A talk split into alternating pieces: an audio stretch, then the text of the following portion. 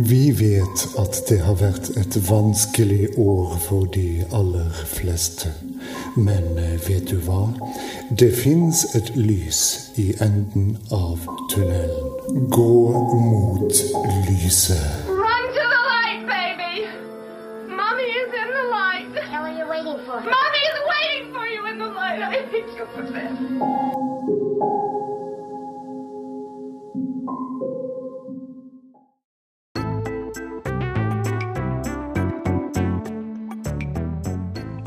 Du har nå forvillet deg inn på Trippel G, podkasten for eh, gretne gamle gubber av alle kjønn og aldre under åndelig veiledning av stormester OK Boomer med sin eiegode podkastvert Jarle Petterson ved mikrofonen. Trippel G for den voksne lytter til fremme av sinnets munterhet og spirrevippenes bekjempelse. Tilgjengelig der du hører podkast.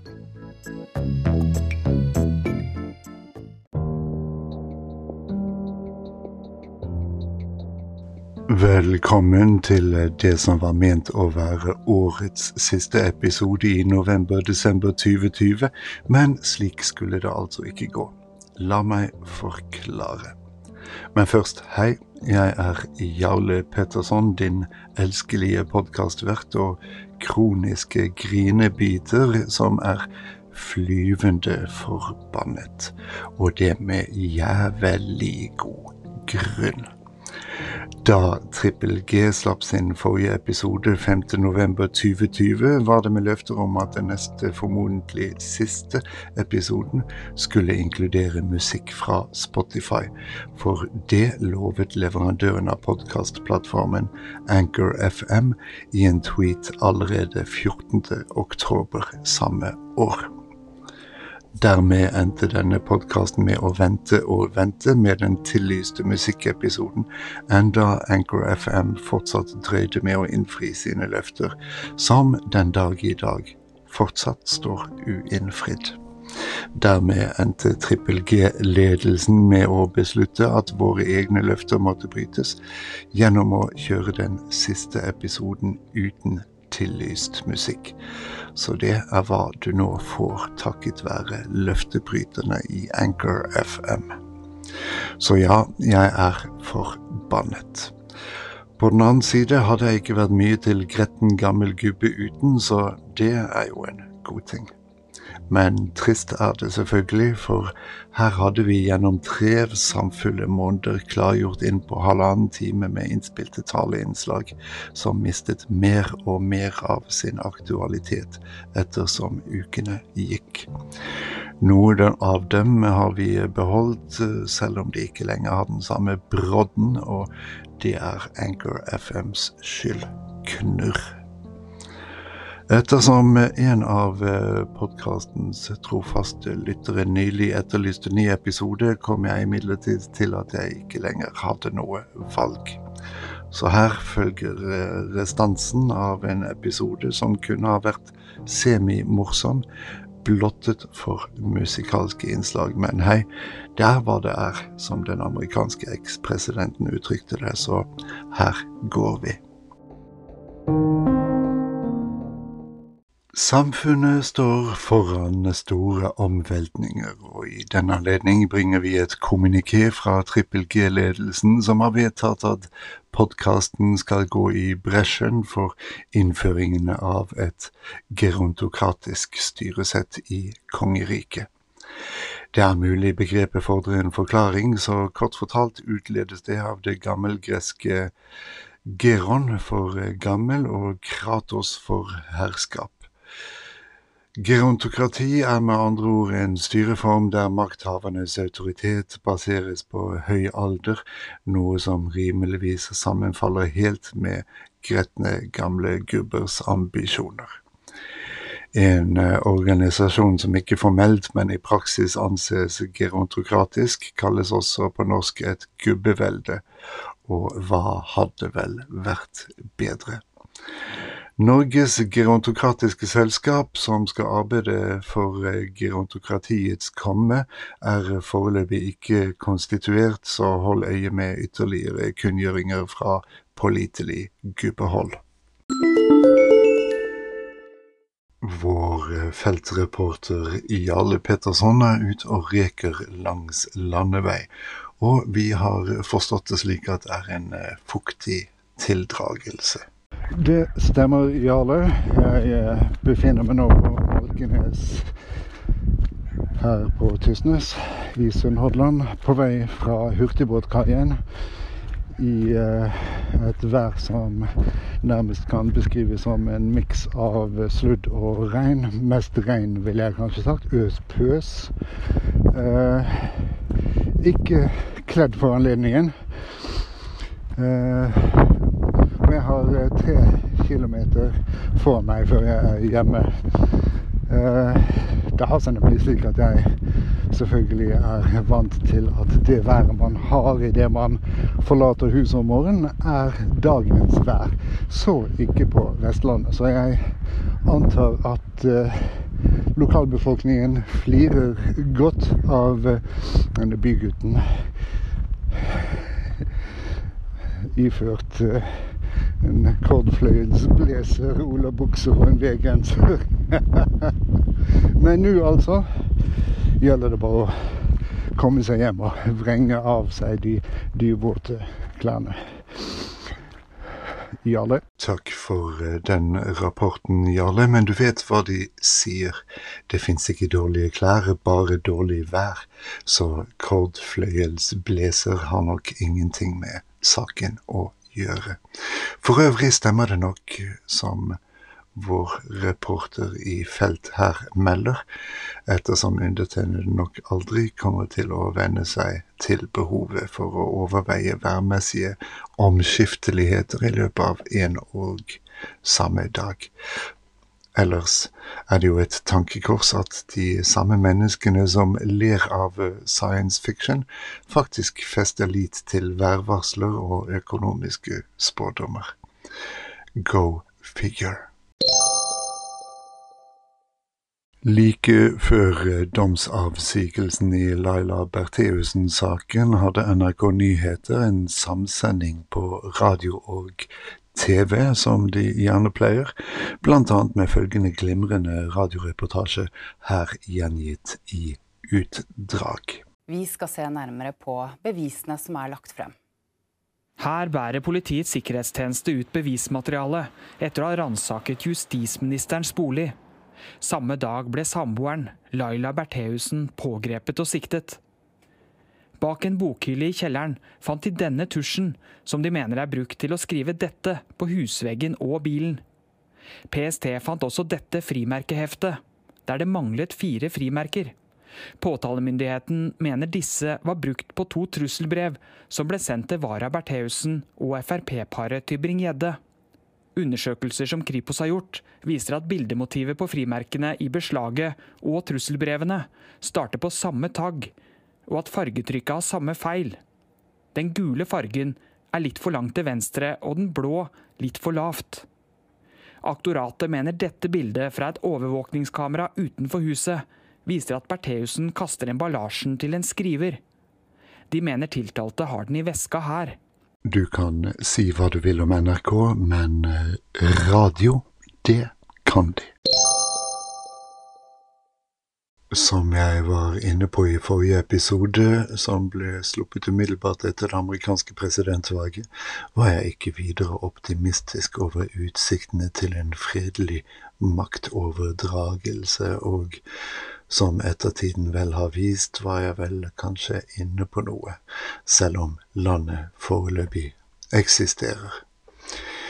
Det du hører nå, er innlest umiddelbart etter kuppforsøket i den amerikanske kongressen 6. januar i år, som påfølgende dag så ut til å ha mislykkes fullstendig.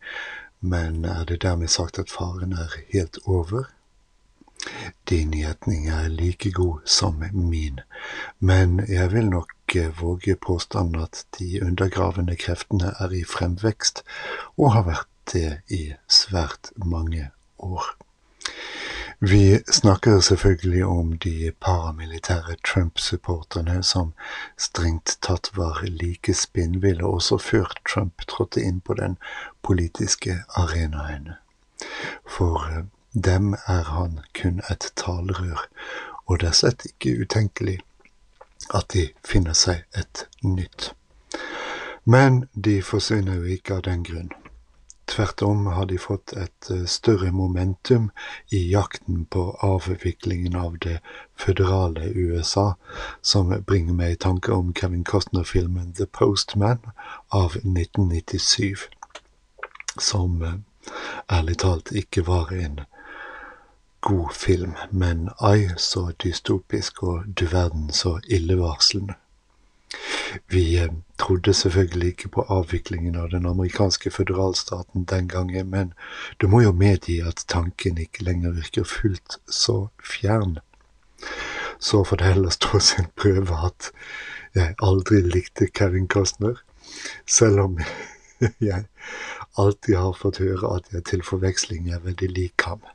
Men i akkurat den filmen må man i ettertid medgi at han eh, på det nærmeste fremsto lettere profetisk.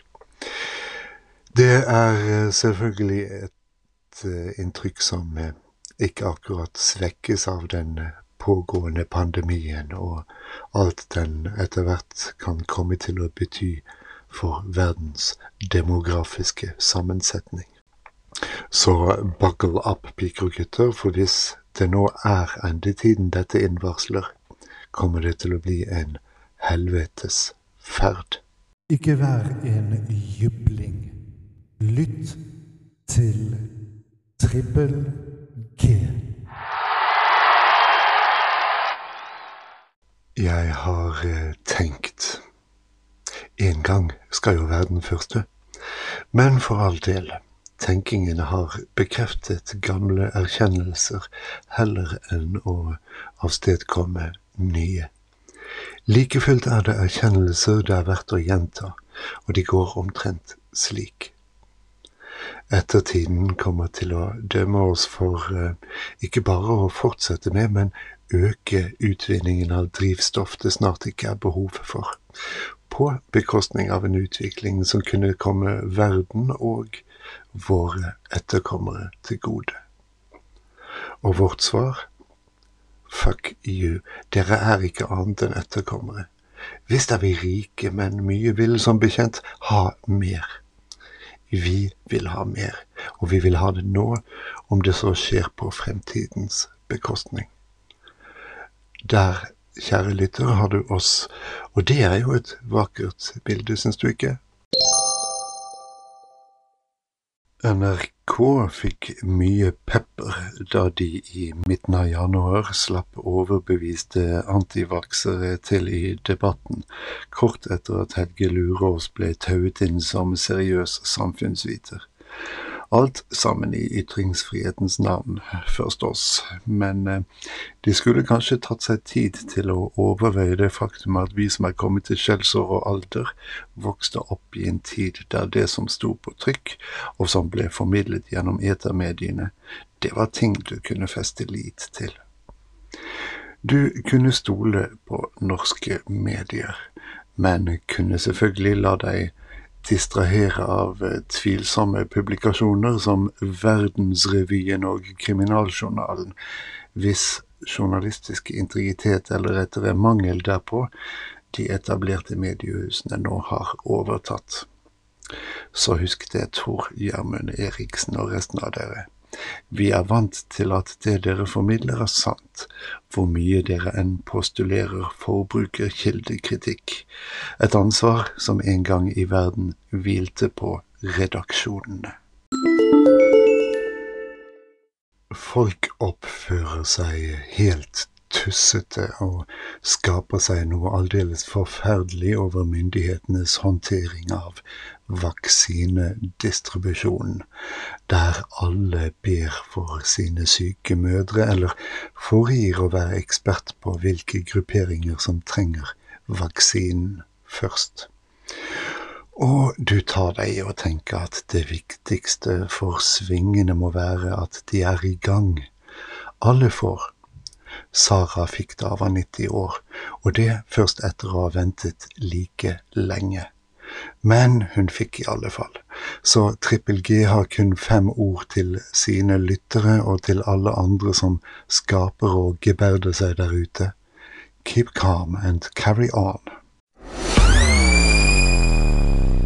Morgenbladet har tatt tapt seg litt i det siste, har det ikke det, da? Det var vitterlig mer snert over avisen den gang CC, eller Majoren, var redaktør eller Den gamle major, som jeg kalte ham etter Bula øverst i Bogstadveien. Og se bare hvem som er gammel nå, om ikke akkurat major. Som bevis for egen alderdom og eh, presselidenskap kan jeg fortelle at jeg før i verden kunne entre en Narvesen-kiosk og lukte meg frem til Morgenbladet med øynene lukket. Fakta. Faen. Frem til midten av 1980-tallet ble nemlig Morgenbladet satt i bly som utsondret en helt annen odør enn avisene som ble trykt i offset-rotasjon. Jeg tuller ikke og kan fortsatt kjenne lukten. Men altså, dette var i en tid da aviser ennå var aviser. Dere jyplinger kommer aldri til å forstå. Sick Transit, Gloria Steinem. I eh, senere år er det blitt eh, stadig mer tydelig at nettavisredaksjonene tyr til selgende overskrifter i førstesidehenvisningene som ikke sier stort om artikkelens innhold. Såkalt clickbate. Vil du vite mer om innholdet, må du nemlig klikke deg inn, som er et problem for uh, dem av oss som utelukkende baserer sin virkelighetsoppfatning på førstesidenes innhold. Og det er ikke tull. Jeg klikker aldri på en førstesidehenvisning uten sammendrag. Ikke at jeg tror avisene anser det noe tap. Et uh, tema som uh, synes evig tilbakevendende, kanskje spesielt på Twitter, er seksualiteten og alt den betyr for tilværelsens uutholdelige letthet. Når du ikke kunne bry deg mindre om seksuelle legning, bryr du deg desto mer om den økende tilbøyeligheten til å la den definere folk og deres identitet. Det er meg kort fortalt revnende likegyldig hva menneskene jeg omgås foretar seg i sengehalmen. Det er jo ikke akkurat slik at jeg akter å holde dem med selskap. Ved nærmere ettertanke fins det én anledning til å bry seg med folks legning, men så begrenser den seg også til eh, jakten på fremtidig livsledsager, i hvilket fall seksualiteten vel må kunne hevdes av en viss betydning.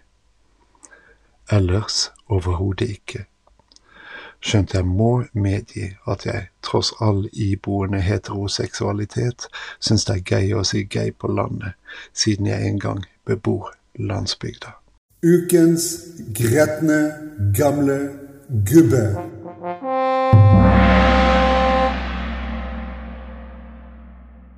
Som seg hør og bør, kårer Trippel G også denne gangen Ugg, eller ukens gretne gamle gubbe, med fare for eventuelle forsinkelser som følge av at episoden har ligget lenge på vent i påvente av muligheten for å inkludere musikk. Denne gangen har vi hoppet elegant bukk over nominasjonsprosessen og egenhendig blinket ut en vinner i likestillingens navn. Tross alt skal vi anerkjenne eldre menns rett til å plukke på småpikene, må vi også erkjenne eldre kvinners soleklare rett til å klå på guttebarna. Denne episodens høythengende ugg tildeles derfor Trine Skei Grande for igjen å lufte åkereskapadene i sin ennå forholdsvis ferske bok Oppreist, enten nå tittelen henspiller på åkerguttens lem eller venstrebautaens kroppsholdning. Trippel G gratulerer.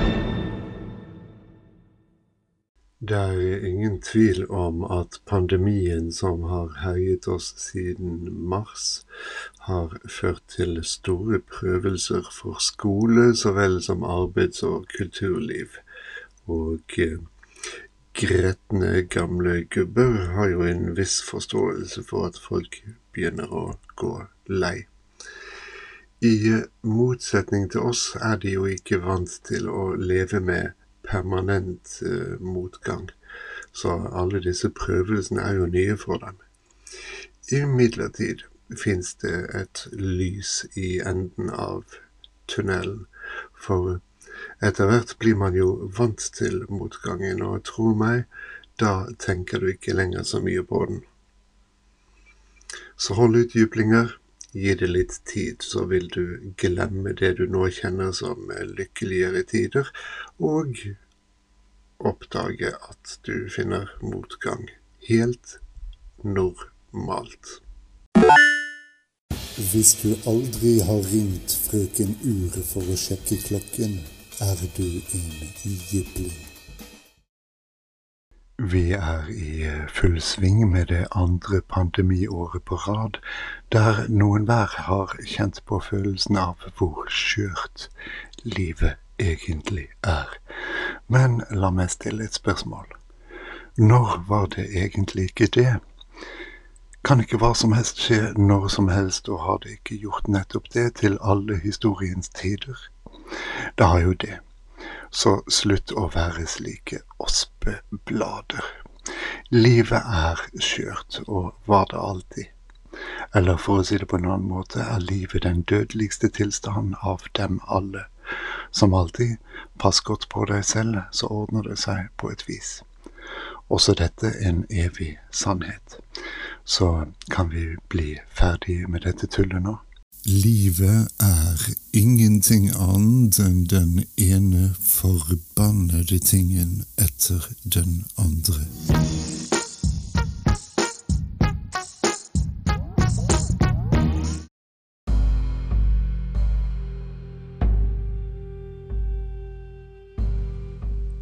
Jeg har eh, bekjent mine synder før, men gjentar villig vekk ungdommelig dårskap, som at jeg for en 40 års tid siden ønsket både Reagan og Thatcher velkommen i kjølvannet av et 1970-tall som, i alle fall på hjemmefronten, vel var i det sosialdemokratiskeste laget. For denne podkasterens smak, i ethvert fall. Men Willoch skulle redde oss fra miseren, og skjønt jeg i løpet av det kommende tiåret skulle bli et noe mer nyansert syn til del, slik årene gjerne har for vane, savnet jeg ingenlunde 1970-tallets idealer. Imidlertid skulle årene ubønnhørlig vise seg å fortsette med dertilhørende vidsyn, til man i dag sitter og forbanner at ens ungdomsbønner omsider ble hørt. For det ble de nemlig, så det forslo. Ja da, vi ynder å kalle landet vårt eh, sosialdemokratisk, men hva skjedde egentlig med idealene? Ingen skal fortelle meg at det er Ernas skyld at Arbeiderpartiet erstattet statsapparatet slik vi kjente det, til fordel for New Public Management, som faktisk var partiets verk. Eller at Jens sluttet at velferdsstaten kunne fjernes fra vokabularet til fordel for eh, velferdssamfunnet. Noe hadde skjedd. Kanskje var de blendet av Cool Britannia og Tony Blairs New Labour. Kanskje som følge av at Ap så høyresidens brede appell og sluttet at If you can't beat them, join them. Mitt svar er like godt som ditt, men jeg vet at både konservatismen og sosialdemokratiet er erstattet, og at det er én ting de gamle kampanjene har til felles.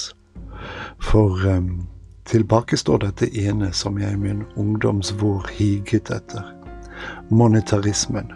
der partene kjemper for hver sine interessegrupper, enten de går i kjeledress eller blådress. Sku bare ikke hunden på hårene, for de er begge høytlønte, så vi skal ikke få tenke noen av dem i å stemme på sin gamle motpart. Oppfordringen går derfor både til Ap og til Høyre. Get a room. Eventuelt ta dere sammen. Jeg kommer i farten nemlig ikke på noen ideologer som ville ha applaudert Norge anno nå for tiden, utenom Milton Friedman. Men han er, ulik sine ideer, død. Spirrevipper hører ikke på Trippel G.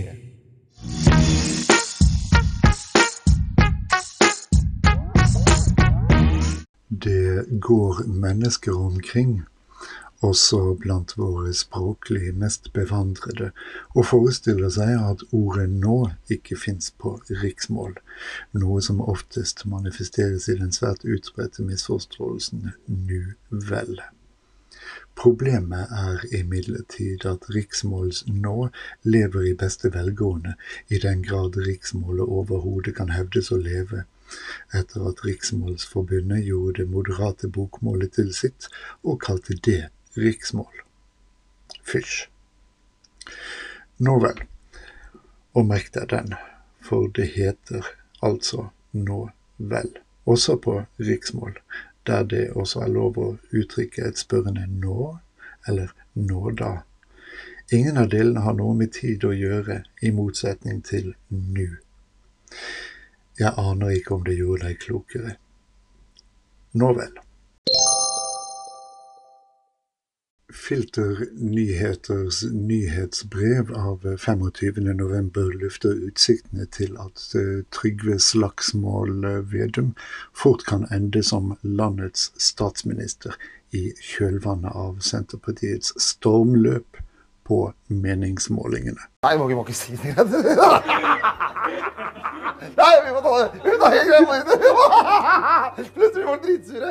Folk skjønner ikke ironi, vet du. Så bare Kom igjen, da! Det. Gud hjelpe oss alle.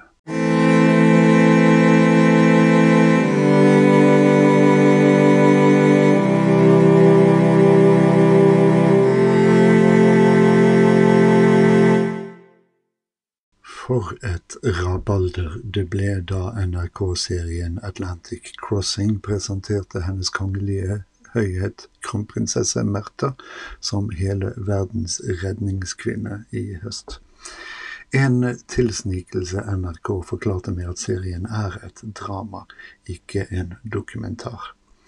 Det folk derimot ikke vet, og som serien av uforklarlige årsaker utelot, er at kronprins Olav 30. april 1945 ringte Adolf Hitler og sa bø.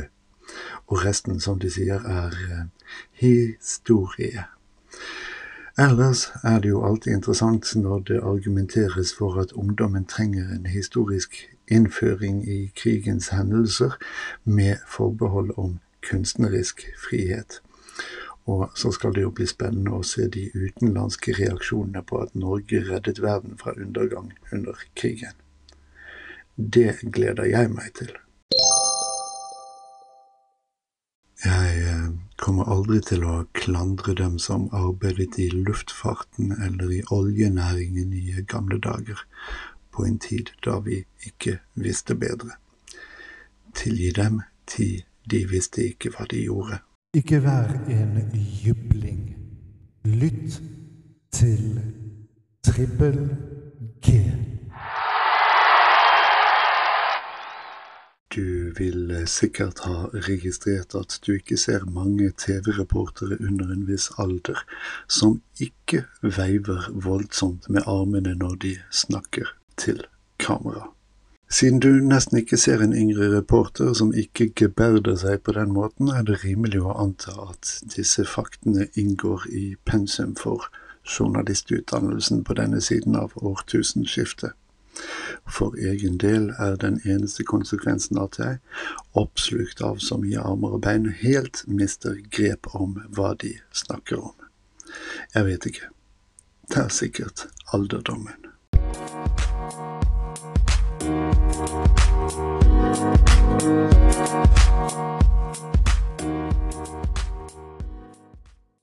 Da byrådsleder Raymond Johansen for litt siden etterlyste ekstraordinære statsmidler til Oslo, skal jeg hilse og si det ble liv i alle som mener det er litt råflott for et land å holde seg med hovedstad. Siden jeg ikke lenger bor i den selv, kaster jeg meg like godt på hylekoret med krav om at vi dropper statsapparatet helt, eventuelt flytter det hit som selvfølgelig er hva alle hovedstadskritikere egentlig mener, til den eventuelt befinner seg der de bor, vel å merke. Bønder lever av å produsere mat. Senterpartiets medlemmer er bønder. Partiet foreslår å kutte matmomsen fordi det kommer eh, forbrukerne til gode, men ønsker ikke å gjøre det samme med andre varegrupper. For det tjener jo ikke bøndene på.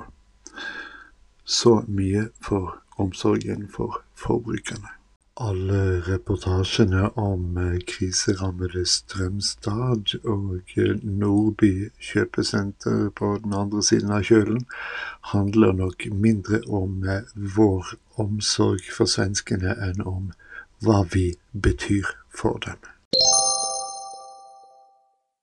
Hva er det med denne true crime dealen som har ridd landet som en mare de siste par årene. Hva sier det om folk når de blir hekta på episode etter episode om mysterier som aldri ble oppklart, uten at de selv bringer noe nytt til torgs, langt mindre løser dem. En repetisjon av etterforskningens Ørkesløshet skulle da virkelig være fullkomment unødvendig, for det visste vi jo alt. Jeg skjønner ikke.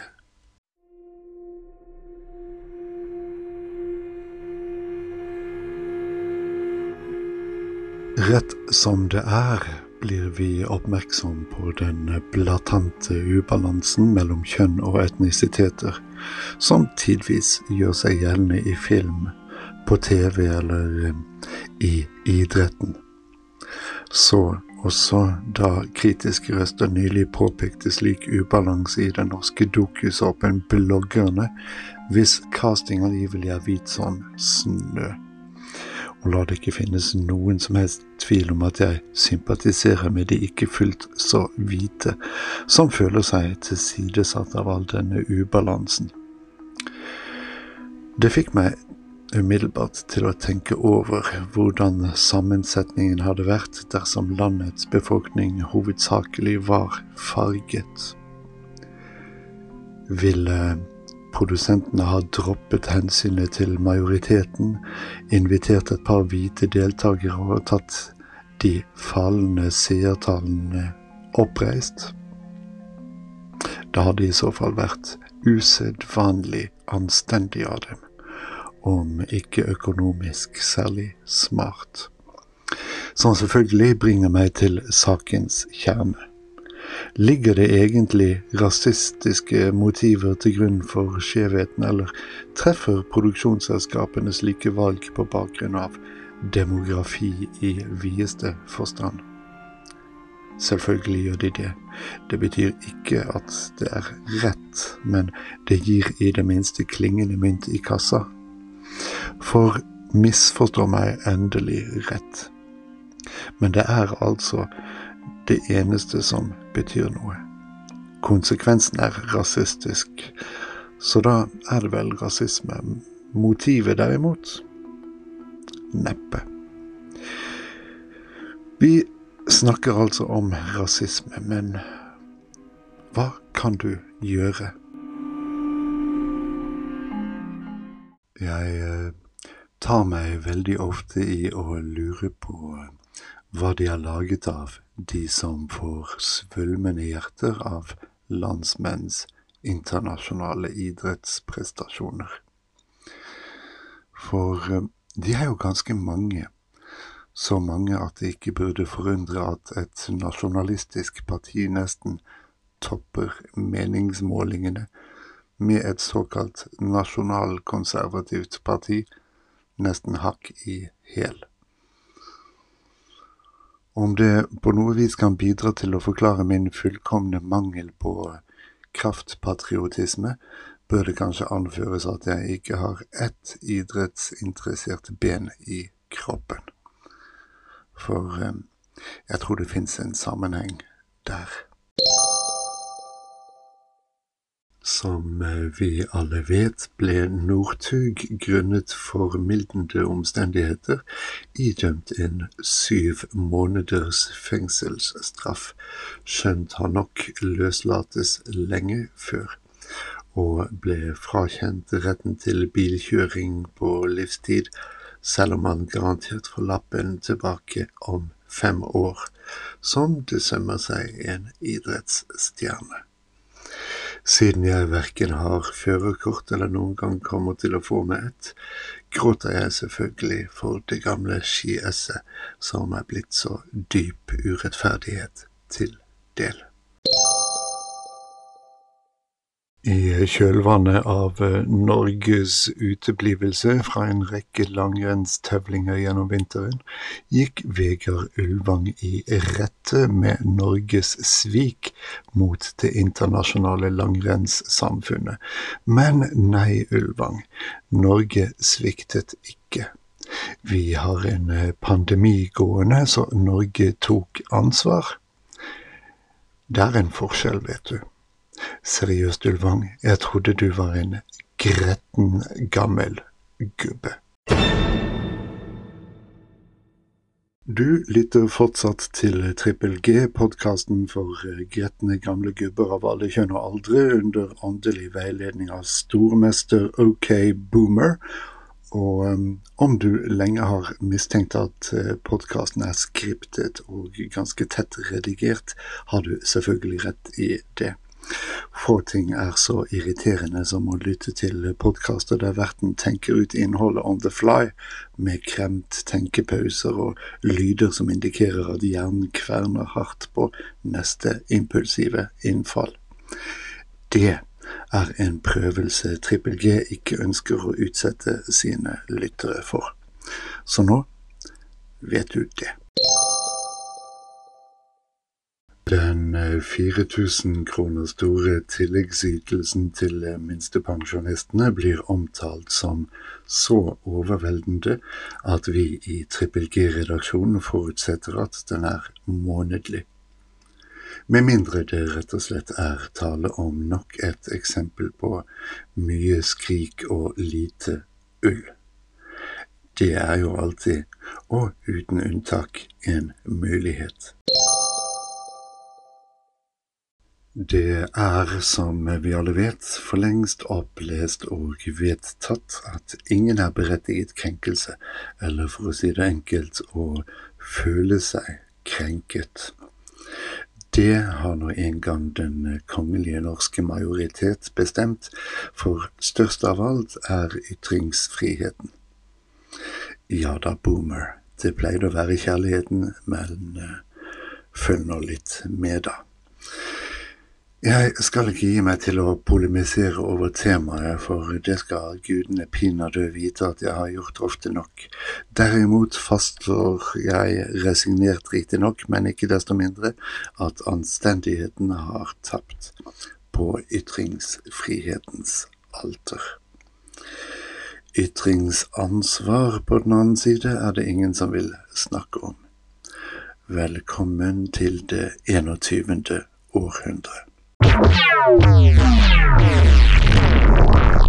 For ikke lenge siden sprakk nyheten om at den bergenske lokalpolitikeren Trym Aafløy forlater Folkeaksjonen Nei til mer bompenger, til hvilket Trippel G ærlig talt ikke har stort å si, utover å bejuble muligheten til nok en gang å dele gledesutbruddet som gikk sin seiersgang i sosiale medier høsten 2019. Følgelig Det er ikke der de kommer til. Men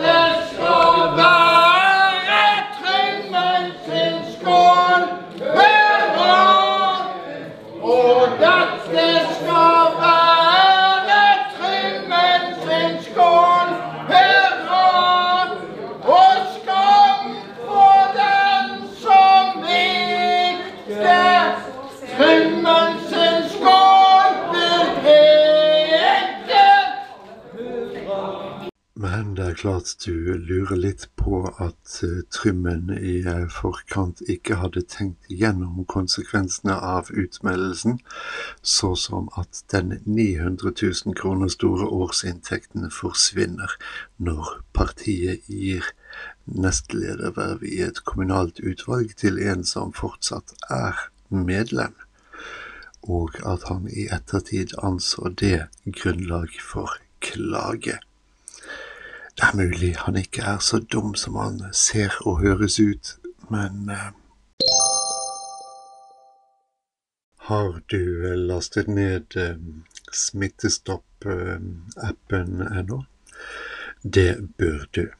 Selv jeg som bor der ingen skulle tro at eh, noen kunne bo, og bebor en eh, kommune som praktisk talt er smittefri, enda jeg ikke engang omgås lokalbefolkningen, har lastet ned og installert, bare for å gi et skinn av oppfylt eh, borgerplikt. Nå er eh, akkurat det å holde meg for meg selv ikke noe som er koronabetinget, men utslag av at jeg som eh, gretten gammel gubbe selvfølgelig trives bedre i eget selskap enn i noen andres.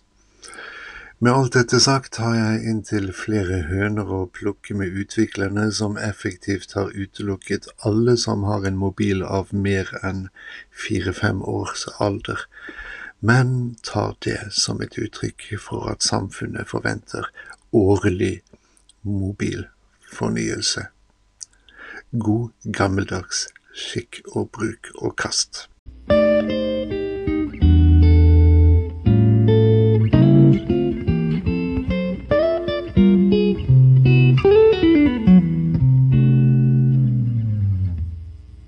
Her i eh, Trippel G har vi lenge hatt et sterkt ønske om å få Ole Torp som programleder, men gjør regning med at han er opptatt helt andre steder.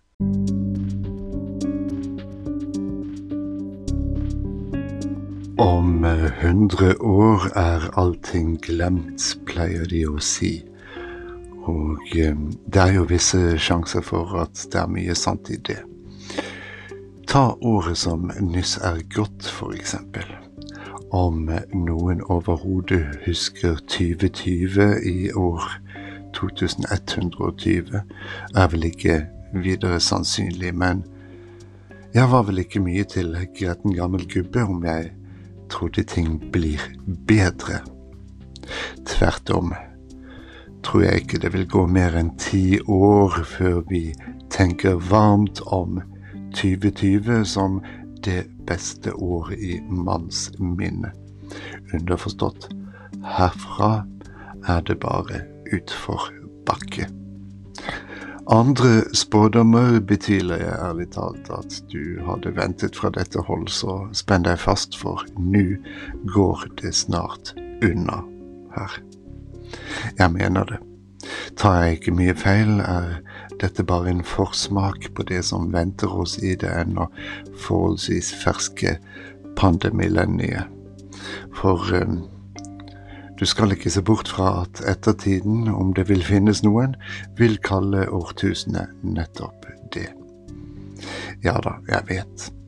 Noen avhenger helt av en optimistisk livsanskuelse for å motvirke suicidale tanker, men du vet, det fins dem av oss som også velter oss i miseren. Bedre måter å være liten, gammel gubbe på, er det ærlig talt vanskelig å forestille seg. Så ja, denne gangen var det koronaviruset SARS-CoV-2, men neste gang hmm, Din gjetning er sikkert like god som min, men at den patogene æra er i full sving, er det vel ingen tvil om. Så la oss bare lære oss å leve med det. Jepp. Pandemillennium høres helt riktig ut. På en måte misunner vi jo dem som har eh, forventninger om at 2021 blir et bedre år. Men ser det positive i at av dem og oss er det jo vi som blir minst skuffet.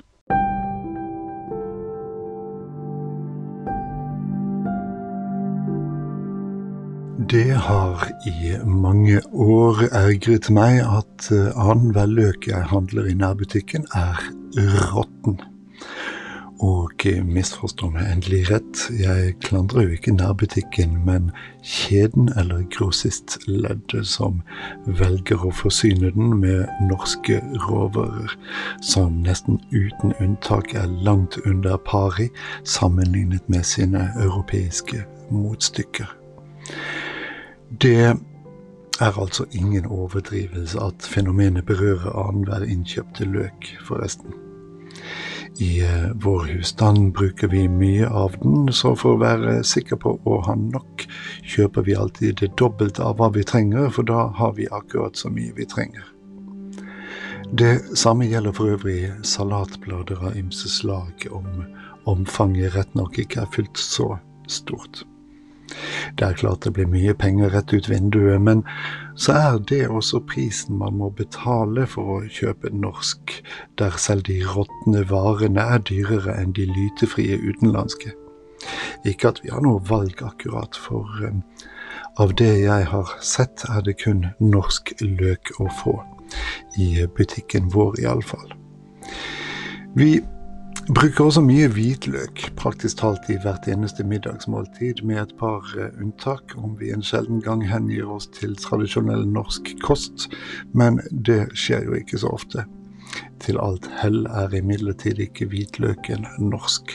Den er pakket på Toten, riktignok, men uh, dyrket i Kina. Til gjengjeld er den heller aldri råtten. Tro hva det kommer av. Og får meg nå endelig ikke i gang om jordbærene. Om jeg eh, foretrekker fasttrukne og råtnede norske eller søte og friske fra Belgia eller Spania. Du kan alltids prøve deg på en gjetning. Eller lutefisken vi skulle ha i julen. Lutet, ja visst, men også full av grønn mugg, som det var umulig å se ved innkjøp ettersom emballasjen var ugjennomsiktig, for spenningens skyld til alt hell hadde vi litt pinnekjøtt igjen fra julaften, og det smakte, for eh, rett skal være rett. Så tilgi at jeg ler litt når eh, Landbrukssamvirket skryter av norsk mat og eh, den norske bonden, uten at jeg dermed finner det bevist at ansvaret ligger der, så klart. For all del, jeg skjønner jo at det faktum alene at maten er norsk, er en slags verdi for enkelte. For meg derimot handler det mer om at den er spiselig, og aller helst god. At det smaker eh, norsk, og at det dermed er godt. Det er en tankegang jeg eh, aldri helt vil forstå. Etter denne harangen bør jeg kanskje holde meg unna Senterparti-velgere en stund, men om meningsmålingene er noe å gå etter, regner jeg med at det kan bli vanskelig. Podkasting er gøy, og har du ikke prøvd det ennå, burde du definitivt gjøre et forsøk. Registrer en konto på anchor.fm, så er du praktisk talt i gang. Med det sagt står det jo ikke til å nekte at podkasting kan være forbundet med en viss bekymring. Et spørsmål som mange i det internasjonale podkastmiljøet for tiden stiller seg, er f.eks. om podkastenes lyttertall kommer til å stupe når denne pandemien er over. Men eh, forutsetter ikke den bekymringen at pandemien forsvinner? Det skulle jeg mene, og siden dette viruset er kommet for å bli, og heller ikke blir det siste, tror vi verdens podkaster går meget lyse tider i møte. Hurra! Det var da voldsomt så mye bråk det ble om Fredrik Solvang på Twitter i vinter, da, var det ikke? Tror endelig ikke at jeg er uten meninger om ham, men kommer jeg til å dele dem? Jeg tror ikke det, du. Men la for Guds skyld ikke det hindre deg. Vi som bor på landet, kunne aldri i livet tenke oss å bytte med byfolket. Ikke på tørre møkka. Derimot blir vi smått ekstatiske hver gang vi får noe som gjør oss mer urbane. Matematikken kan du gjøre selv.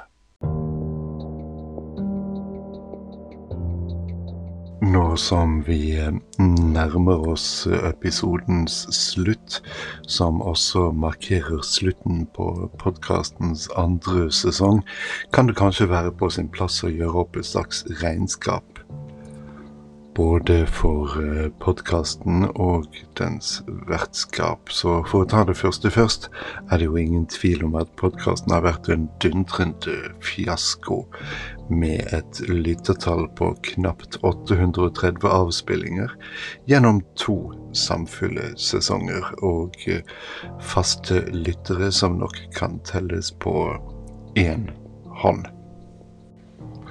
Vertskapets eh, Status er vel heller ikke mye å rope hurra for, skjønt jeg virkelig er stolt av å være gretten gammel gubbe. Som en mann som pusher 60, anser jeg meg også gubbekvalifisert så du forslår.